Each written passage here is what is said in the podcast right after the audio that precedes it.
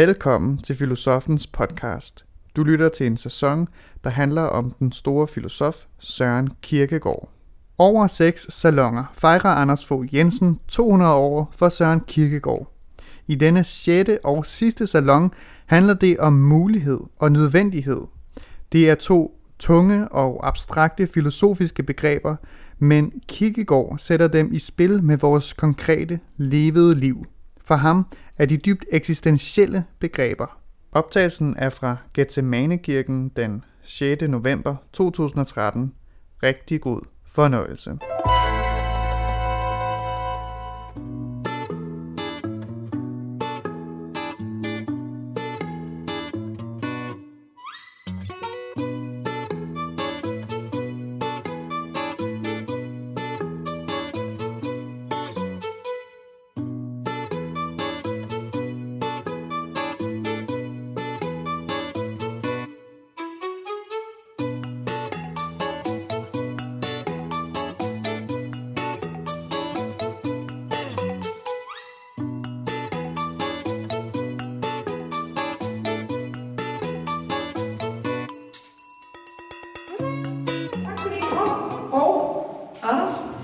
Take it away.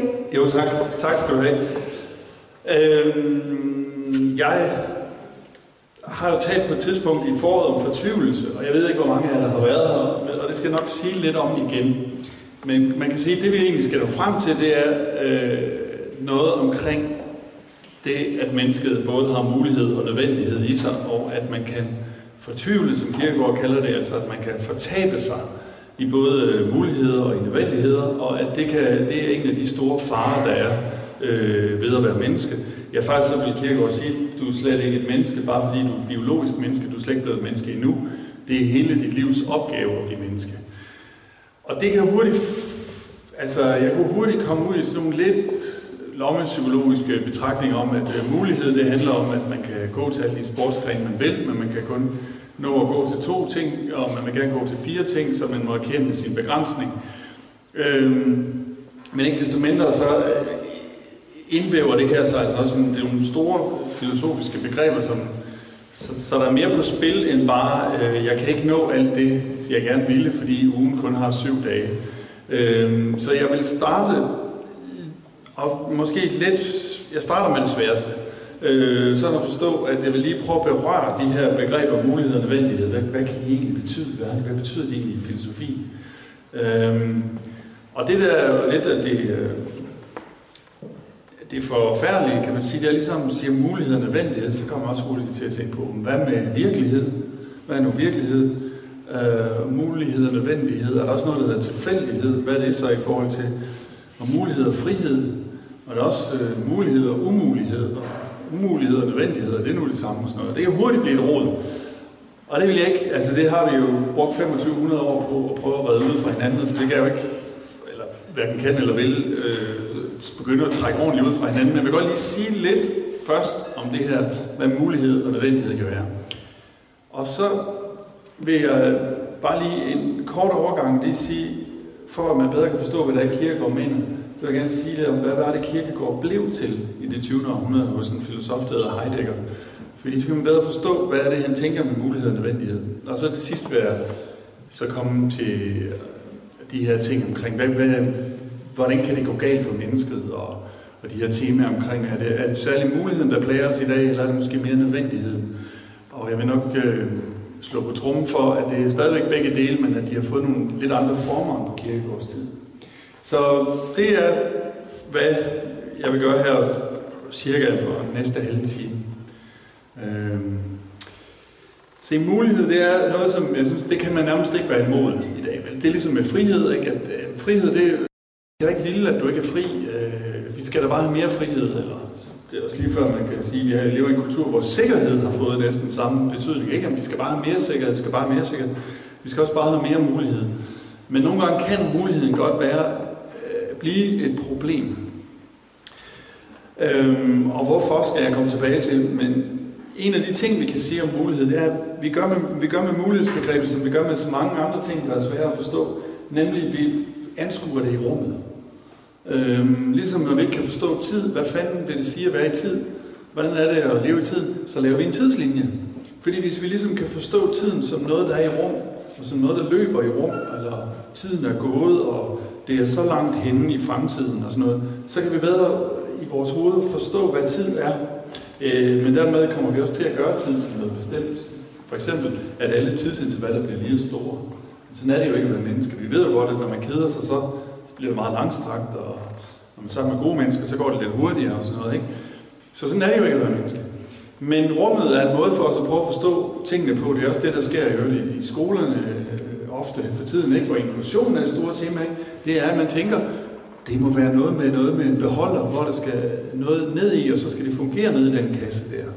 Så rummet er sådan en måde, vi forstår ting på, og det gør vi også med mulighed, vil jeg mene. At mulighed bliver også sådan noget med, at man ikke er låst, men at man kan bevæge sig. Det vil sige, at der er en eller andet form for det, vi kalder mulighedsrum. Ikke? At man kan, man kan komme udenom, eller man kan, der, man kan både gå derover og derover, fordi der er plads begge steder. Øhm, men mulighed, hvad kan man sige, rent eksistentielt er også noget andet end, end, øh, end bare øh, et anskueligt rum. Det er også noget, hvor jeg ikke ved, hvad der skal ske, eller slet ikke ved, hvad der kan ske. Øhm, så hvad mener vi egentlig, når vi siger, i filosofi siger, eller i dagligtale siger vi, jamen det er muligt. Jamen det er muligt. Øh, hvad kan det betyde? Ja, det kan betyde, øh, i filosofien siger, det vil sige, der kan det betyde, det kan tænkes. Altså underforstået, det er ikke i strid med logikken. Øhm, det kan tænkes, at enhjørning, eller at hesten bliver til en enhjørning om 10 år. Det er ikke umuligt, at selektionsmekanismerne sætter så vildt ind, at kun dem, der har horn i panden, overlever. Det kan godt tænkes. Det vil sige, det er ikke, det er ikke logisk umuligt. Men den anden, den anden ting, vi mener, når vi siger, at det er muligt, der mener vi jo mere sådan noget med, i forhold til mine erfaringer, vores erfaringer, så er det nok muligt, at, hvad kan vi sige for eksempel, øh, ja, det, det er muligt, at han er i Aalborg nu. Ikke? Det, det, det er muligt. Det, det har vi, han er sådan en, der tager til Aalborg, eller det er muligt, at det par, der lige er gået fra hinanden, de finder hinanden igen. Ikke? Det er muligt. Så mener vi, vi kan både mene noget sådan nærmest logisk tænkeligt, eller det er realistisk, det er sandsynligt. Vi kan mene begge dele, når vi siger, at det er muligt. Være, nu det andet hovedbegreb, det er jo nødvendighed. Der bliver nødvendighed, det bliver endnu mere, øh, det kan betyde, hvad kan man sige, noget, der er mere øh, sparet, ikke? fordi nødvendigt betyder i filosofien, det der ikke kan være anderledes. Det er det, der er nødvendigt. Altså, øh, det er nødvendigt, at den, den korteste øh, linje mellem det punkt dernede og det derop, det er en ret linje. Det er nødvendigt. Eller det er nødvendigt, at hvis ugen har syv dage, så kan man ikke dele den over i to lige store øh, puljer af dage. Så bliver der tre i den ene og fire i den anden. Eller sådan noget. Det kan ikke lade sig gøre. Så det er nødvendigt, at det må være sådan.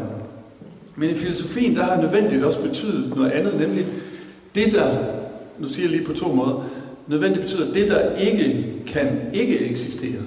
Altså, det vil sige, det er nødvendigt, det er det, der nødvendigvis må være til. Øhm, hvordan pokker skal, altså, hvad, hvad betyder det? Jamen det er fordi, man har tænkt sig, at, at, at Gud, man har selv tænkt sig omkring Gud, at Gud, han er jo perfekt. Og det er bedre at eksistere, end ikke at eksistere. Så hvis Gud han kun var mulig, men faktisk ikke var virkelig, eller, øh, så, så var han ligesom ikke perfekt. Så derfor må Gud jo eksistere. Det må ligge i det, at han er perfekt, at han også er til. Så man har også, det har altså også betydet noget med, at det der, det, der er nødvendigt, det er også det, der er. Og øhm, sådan er det faktisk også lidt hos, hos Kirkegaard, at øh, fordi Kirkegaard han er interesseret i det der, det, der hele tiden er i tilblivelse. Hvad vil sige noget i tilblivelse? Det vil sige, at noget er noget, og så bliver det til noget andet. Ikke? At barnet er et barn, og det bliver til en voksen, men det er endnu ikke en voksen. Men, men så, hvad kan man sige, det nødvendige, det må ligesom være hele tiden. Så, så den, den, den der tilblivelse, den kan ikke tænkes for kirkegård sammen med det, det nødvendige.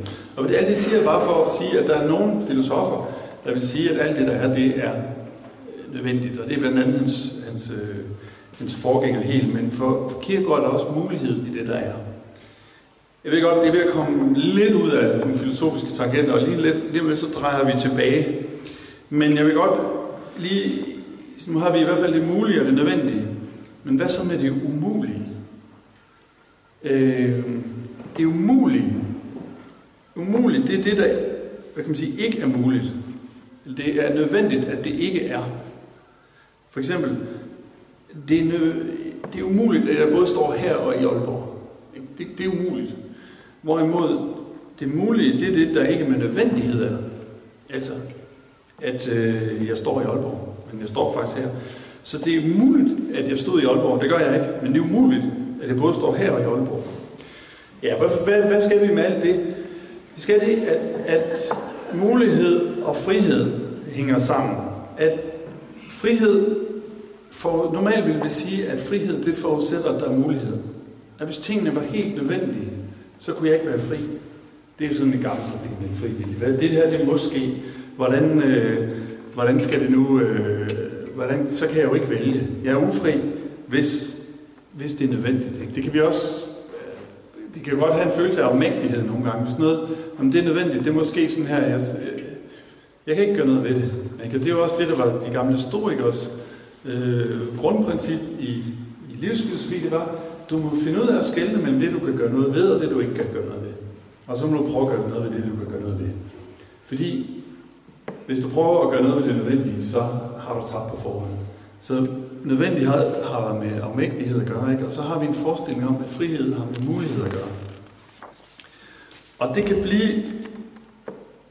Det, selv det har filosoferne selvfølgelig sat spørgsmålstegn ved.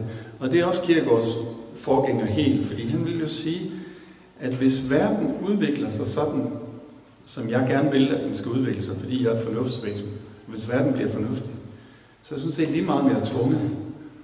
Fordi der sker jo det, jeg gerne vil.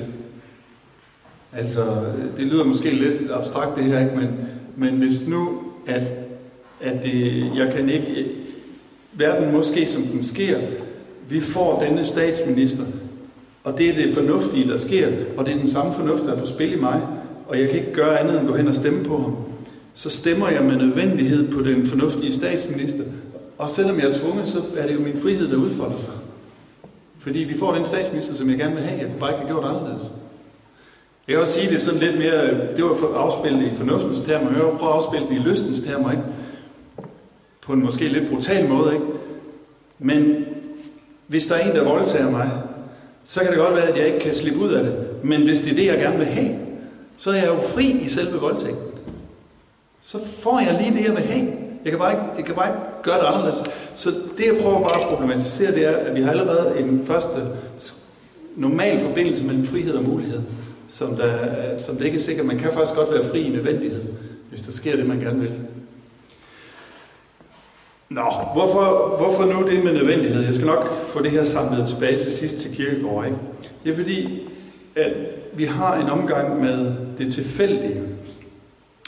Vi siger nogle gange, noget er nødvendigt, det måtte ske. Hvad så med det, der er tilfældigt? Hvad, hvad, hvad forstår vi det? Vi siger, vi, kan, vi kaster en sekser, og så siger vi, ah, det var da til, eller vi kaster en terning, så siger vi, det var da tilfældigt, det blev en sekser.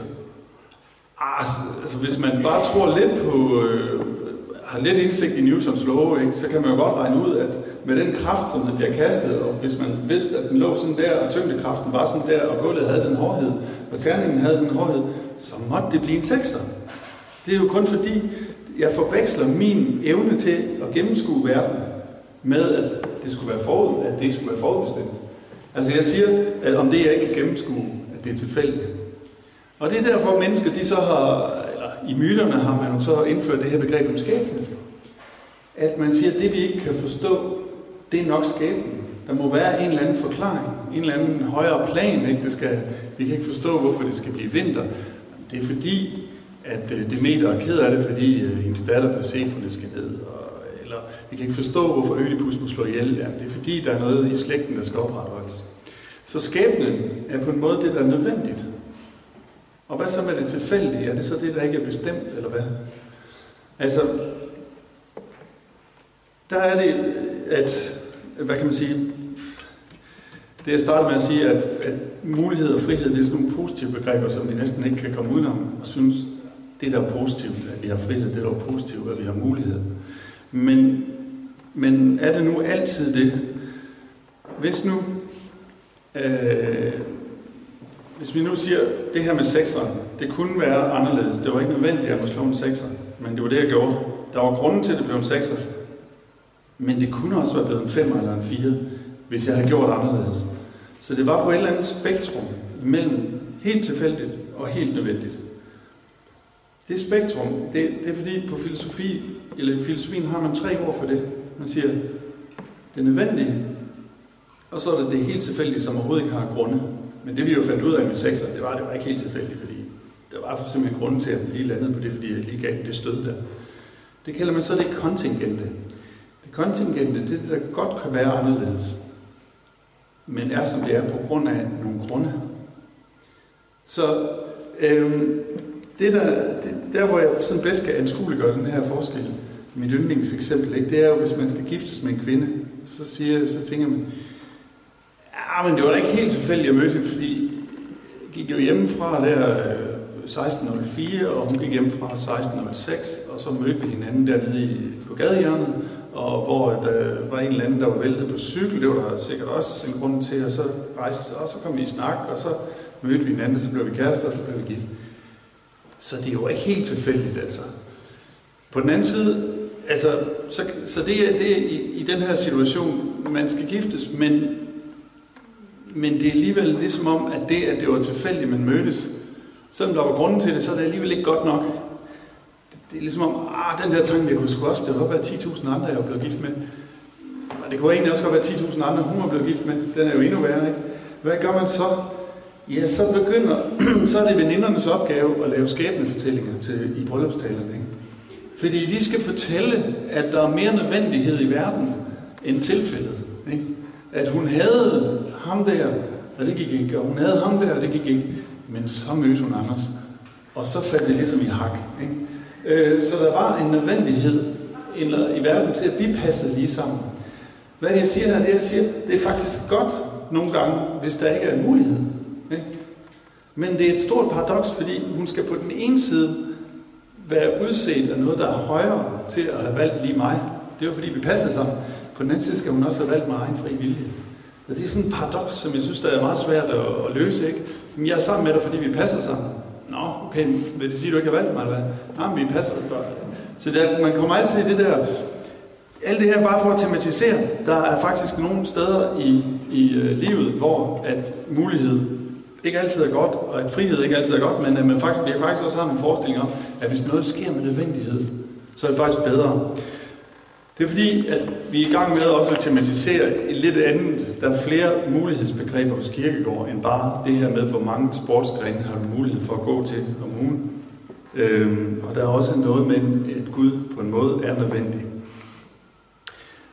Hvis vi skal forstå, hvad det vil sige, at mennesket er i mulighed og nødvendighed hele tiden, så man faktisk bedst forstå det med, hvad kirkegård blev til hos øh, 100 år senere øh, hos en filosof, der hedder Heidegger. Fordi det, som Heidegger siger, det er, at det der med tidslinjen, med at fortiden kom, og så kom nutiden, og så kom fremtiden, det er faktisk slet ikke sådan, det er at være menneske. Fordi når man er menneske, så er man hele tiden først i fremtiden. Man er hele tiden i gang med noget, man vil noget. Jeg, hvor, hvad skal jeg til at sige nu om lidt? Hvad skal jeg, hvor skal jeg gå hen bagefter her? Øh, jeg vil gerne lave noget mad. Hvor er min kniv? Man er hele tiden i gang med noget i fremtiden.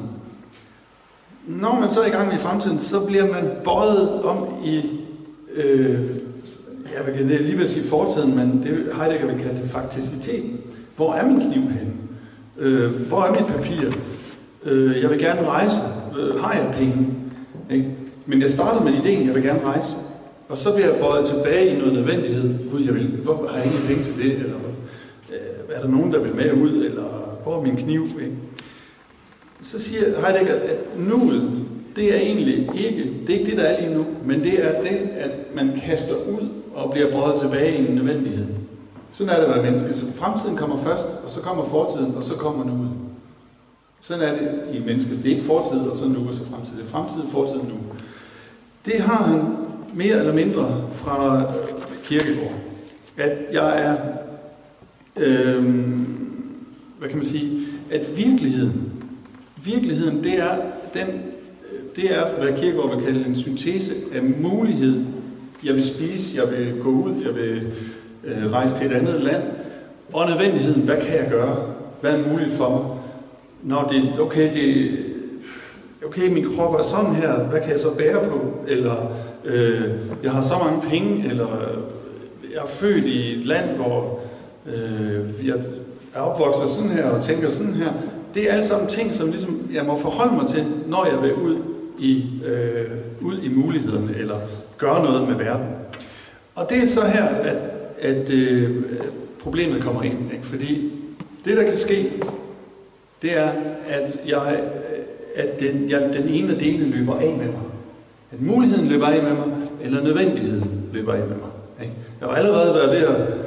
Den der tanke, der lige sneg sig ind på mig med, at hun kunne være gift med 10.000 andre, der var muligheden lige ved at løbe af med mig, ikke? sådan det kunne ikke? Eller jeg, den kan jo også løbe af med folk, når man hører det sådan, jeg kunne også være gift med hende, og hende, og hende, og hende, og hende. Ikke?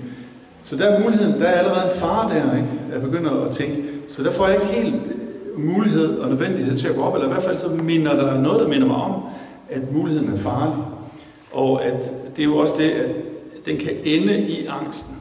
Altså, at når muligheden kører, så, så, så er det, at til sidst øh, ender i angsten. Nu gik det ikke så galt lige det her eksempel. Øh, men, men det er ligesom han siger, at, at muligheden kan løbe over nødvendigheden.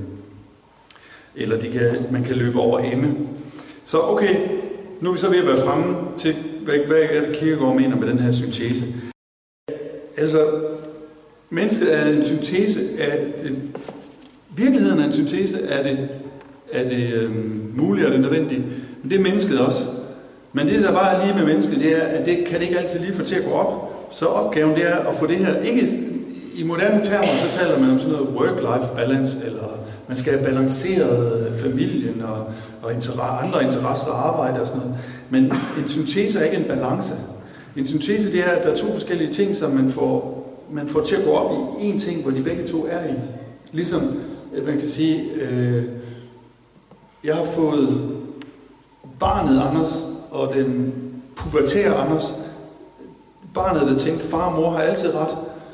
Pubertære, der tænkte, far og mor har aldrig ret.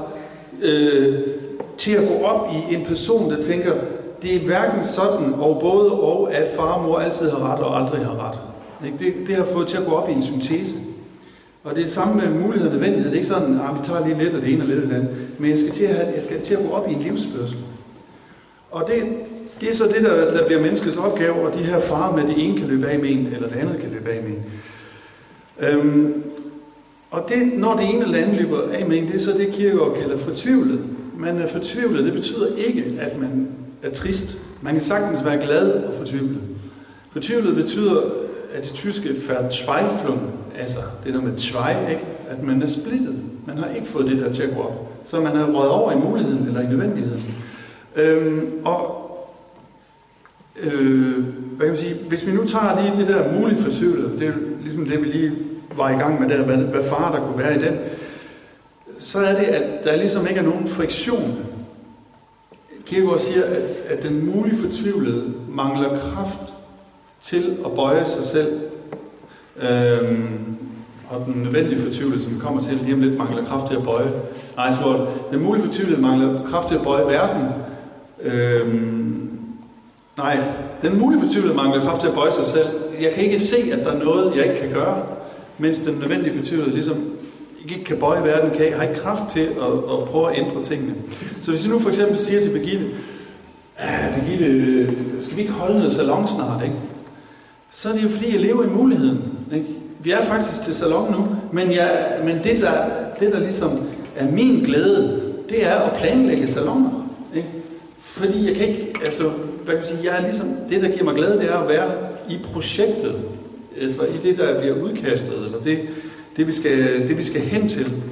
Øhm, og kan også sige, at der er sådan en intensitet i det mulige, men det er ikke en virkelig intensitet. Underforstået, altså det, det, hvis det virkelig var syntesen af det mulige og det nødvendige, så bliver intensiteten over i muligheden. Ikke?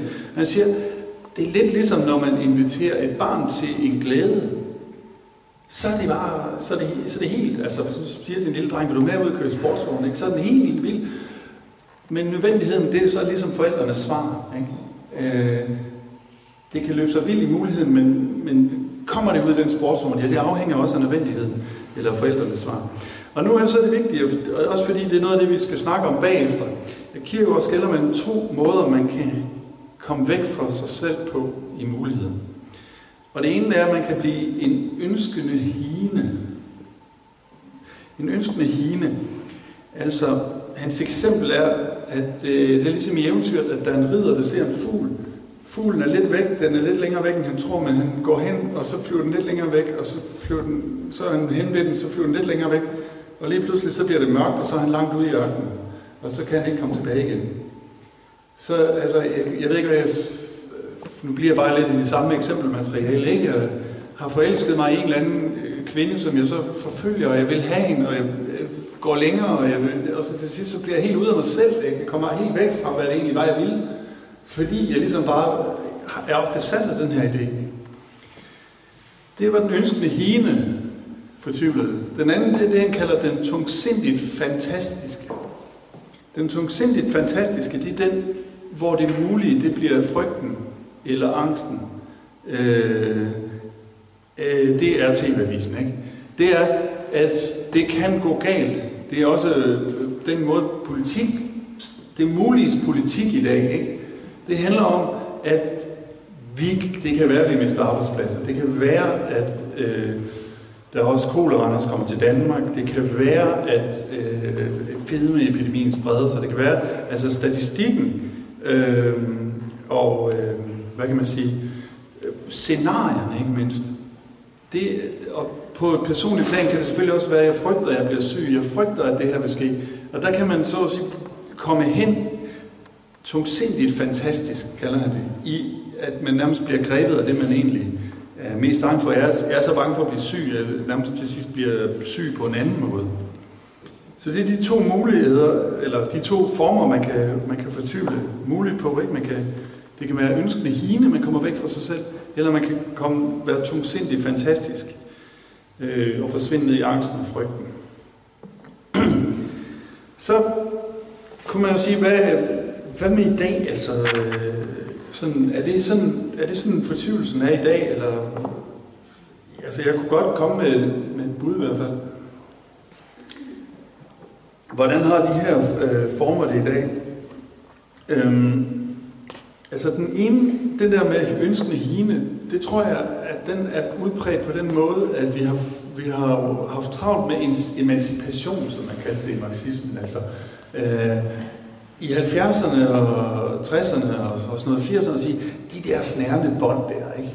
De, de, de, kan vi ikke få de moralske bånd, de skal fjerne. Magten er et problem, normerne er et problem, høflighed er et problem. Øh, gør, hvad du vil. Ikke? Du kan blive, du, du kan også blive noget alt. Alle skal have lige uddannelsesmuligheder, og du kan også, og du skal bare, øh, du skal bare kæmpe for det. Ikke?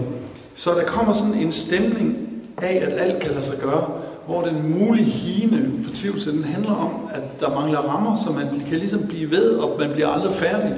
Øh, man, skal, man, skal, man skal udvikle sig selv, livslang læring og alt det der, hvad det nu hedder, ikke? at man skal, du, du skal ligesom blive ved med at løbe efter noget.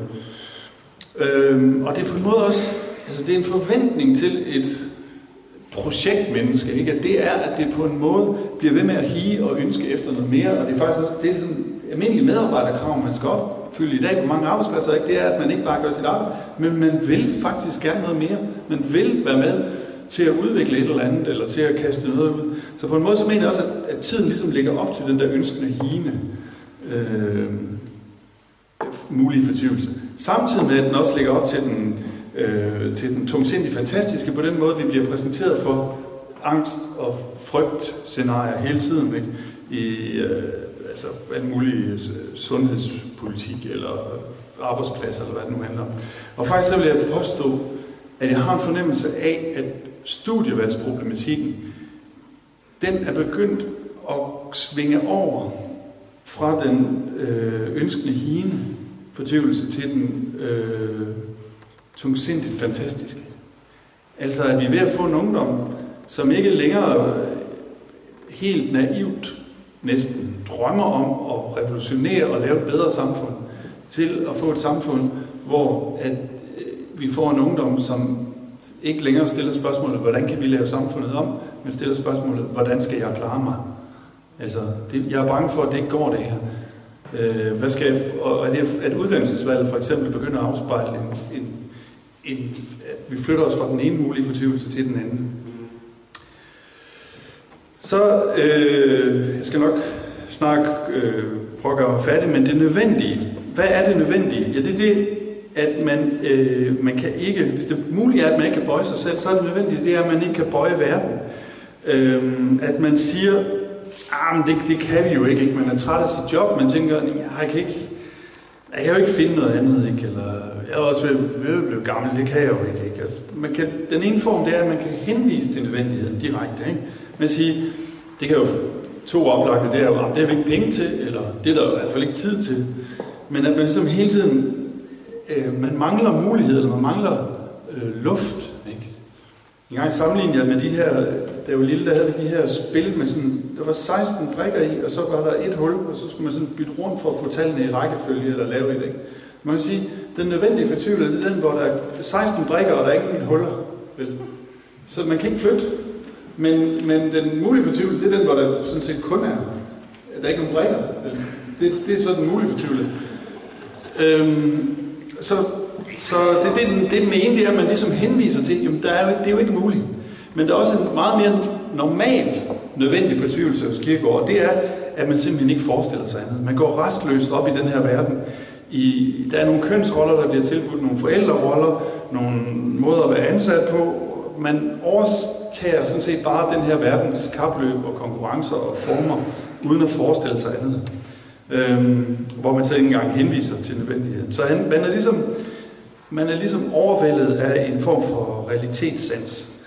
Så vil jeg sige, hvis den, hvis den mulige fortvivlede mangler rammer, i hvert fald den der ønskende hine, mangler rammer, så kan man sige, at den der henviser til, at nødvendighed øh, ikke gør noget muligt, han mangler mulighed inden for rammerne.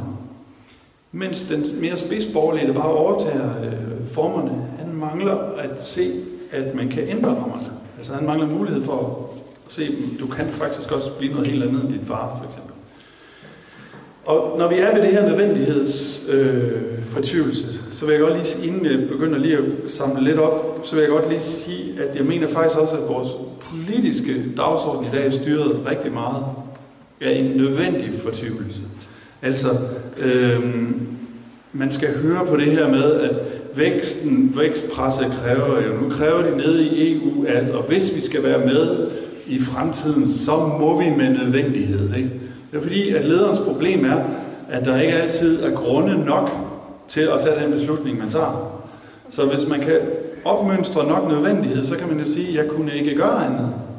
Men hvis ledelse det er der, hvor man ikke kan gøre andet, så er det ikke nødvendigt med en leder, vel? Altså, så er det jo bare en, der parerer ordre fra det nødvendige. Og jeg vil sige, det virker som om, at der er nogle... Der var, nu skal jeg måske sige lidt mere neutralt, øh, et lille land, der har travlt med en kvindelig statsminister, der har travlt med at foregribe nødvendigheden, inden den kommer. Altså som nærmest inden, når ordet Syrien bliver nævnt, og ordet USA bliver nævnt, så inden USA overhovedet har besluttet at gå i krig, allerede er klar til nærmest at lægge sig ned og sprede ben og sige, at hvis nødvendighedens jernhånd kommer over fra USA, så må den jo tage os, og så må vi gå i krig. Ikke? At man nærmest, det virker som om, der nærmest kan være et begær ved den nødvendighed nogle gange, inden det overhovedet er blevet øh, et nødvendigt tema at tage stilling til.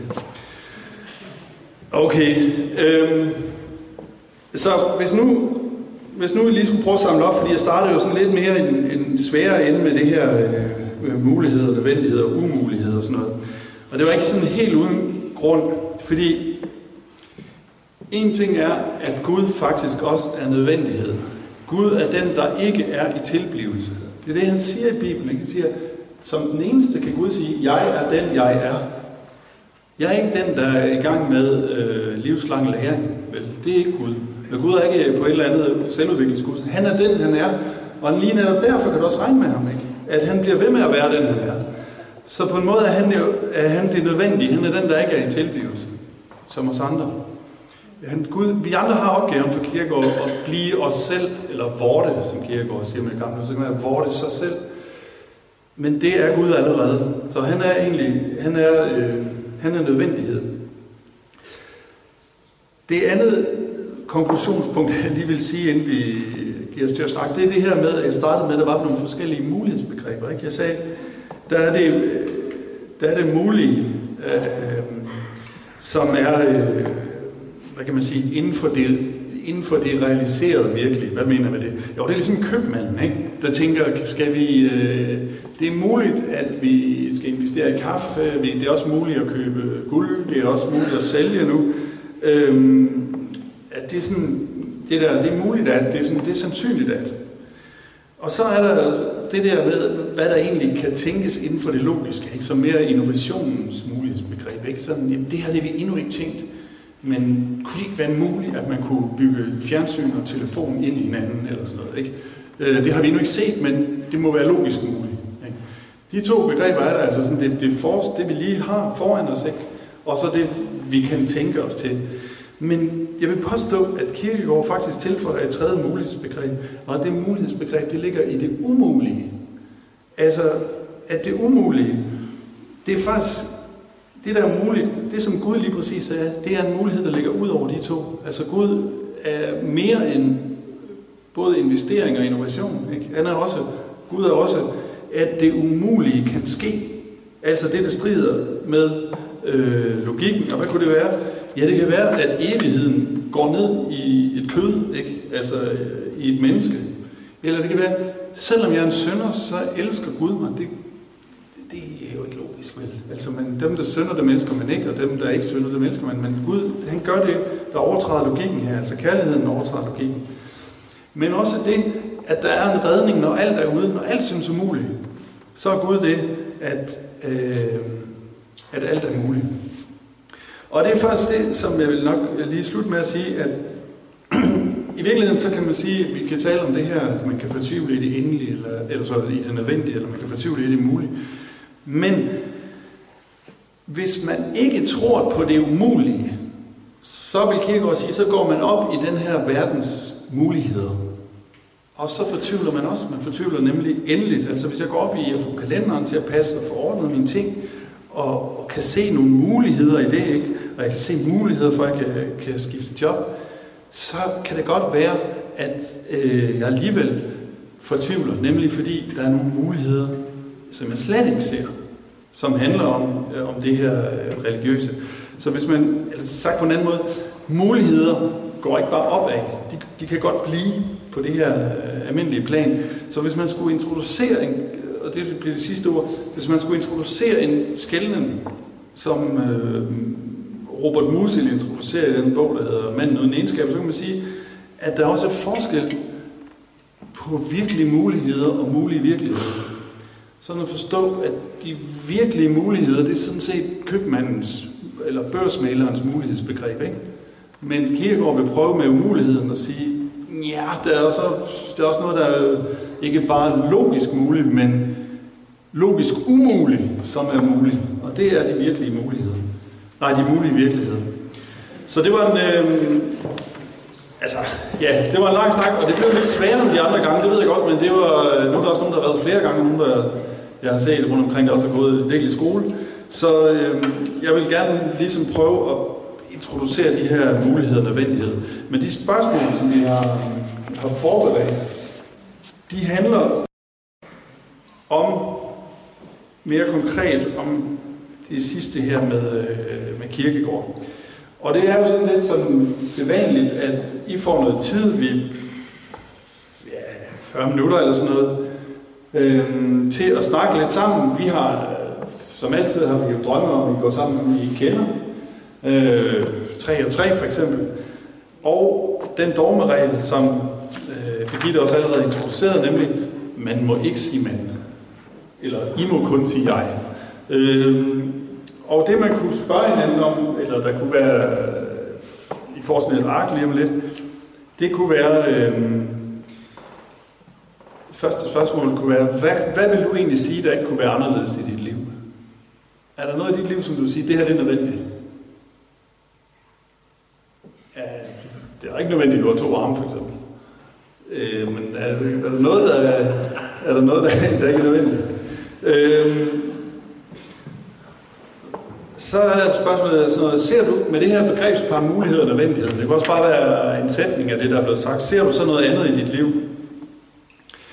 Det tredje spørgsmål kunne være, hvis du nogensinde fortabes i de mulige, altså kommer væk fra dig selv ja, og løber vild i muligheder, er det så på en ønskende, hine måde, eller er det mere på en tungsindig, fantastisk måde? Altså er det i drømmen om, hvad du må ikke kan blive til, eller i frygten for, hvad der må ikke skal ske med dig? Øhm, og et fjerde spørgsmål kunne være, er der egentlig nogle ydre årsager, der medvirker til, at du kommer væk fra dig selv ud i muligheder? Hvad kunne det være? Og så er der endelig spørgsmål, der hedder bare, er der noget, du egentlig gerne vil holde fast i? ja. Lad mig høre, hvad I har tænkt om. Har det været svært emne? Ja. Ja. Er det fordi, det er svært at forstå, eller er det fordi, det er sådan svært at tage og putte sig selv ind i? Ja, så får vi en puls lidt tæt op.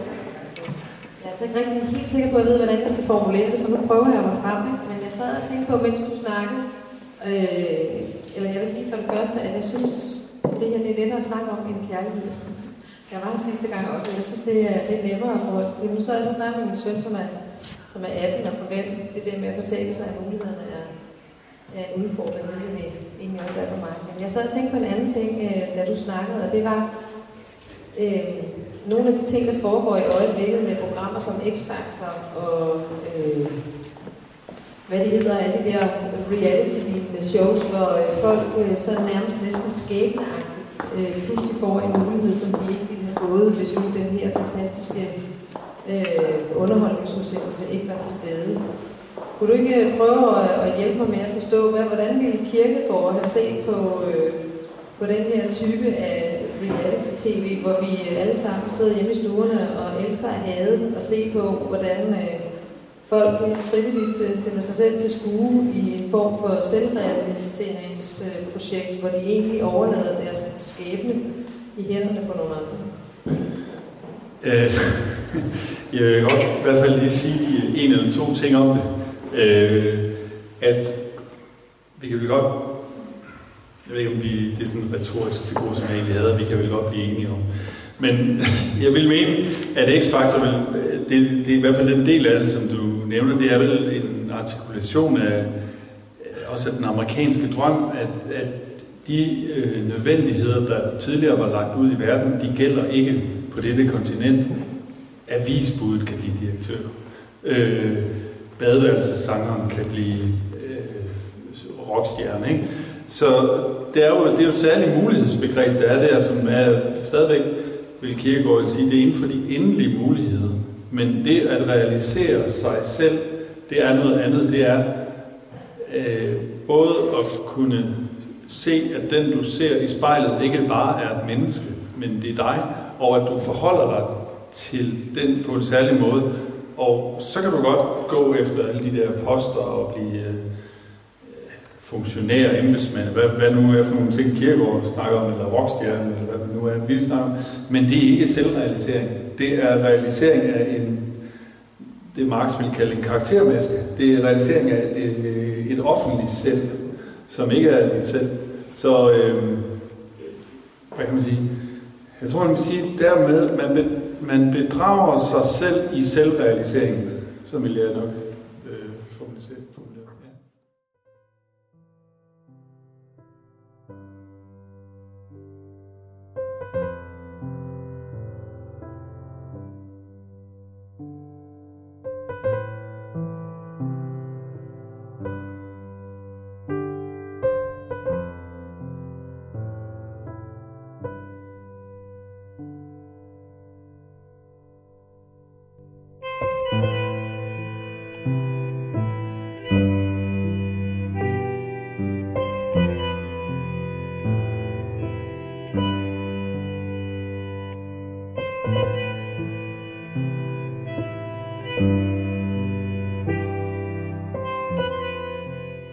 Du har lyttet til Filosofens podcast.